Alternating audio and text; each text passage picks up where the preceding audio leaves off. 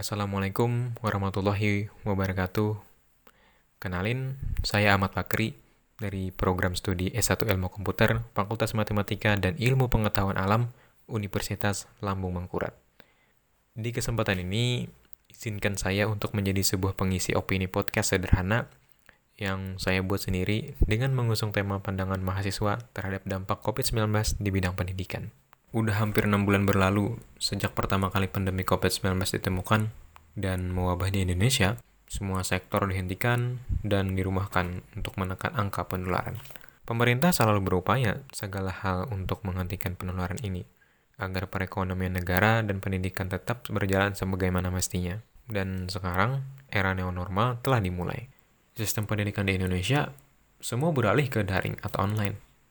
Terkecuali bagi mereka yang tinggal di zona aman dari penularan dapat melaksanakan pembelajaran secara tatap muka dengan tetap melaksanakan protokol kesehatan. Dan itu cukup berbahaya juga sih sebenarnya. Hampir semua jenjang mengikuti pembelajaran mulai platform komputer atau teknologi.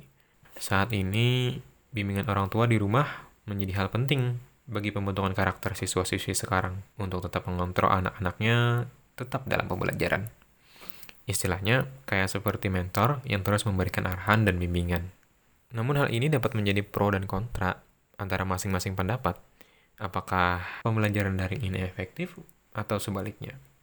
Perlu diketahui bahwa hmm, pendidikan memang fondasi penting untuk pembentukan karakter siswa.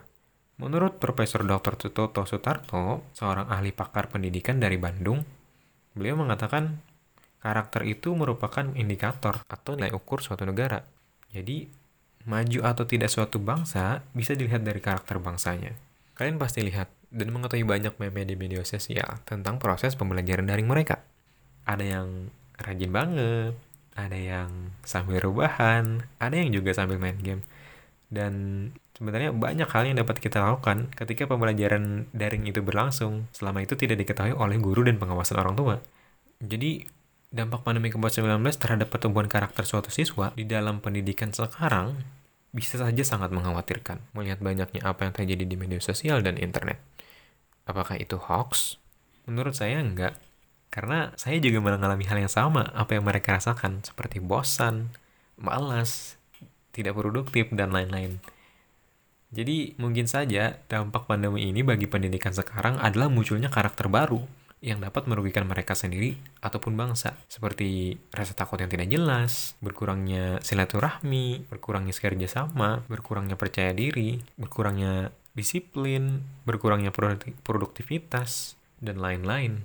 Kita memang tidak bisa lepas dari rasa malas, tapi kita bisa memperbaiki dan menerima keadaan pandemi sekarang yang mengharuskan pembelajaran di rumah secara daring atau online.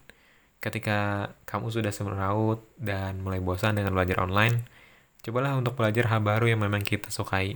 Kita juga harus optimis terhadap apa yang sukar dijalani dan menjadi tantangan baru untuk keluar dari zona nyaman di masa sekarang. Berharap saja pandemi ini cepat akan berakhir dan akhirnya kita dapat bertemu teman di kelas atau gebetan saat di kelas. Dan yang paling penting adalah jangan lupa gotong royong untuk saling membantu satu sama lain. Demikian dari saya, semoga bermanfaat. Mohon undur diri. Wassalamualaikum warahmatullahi wabarakatuh.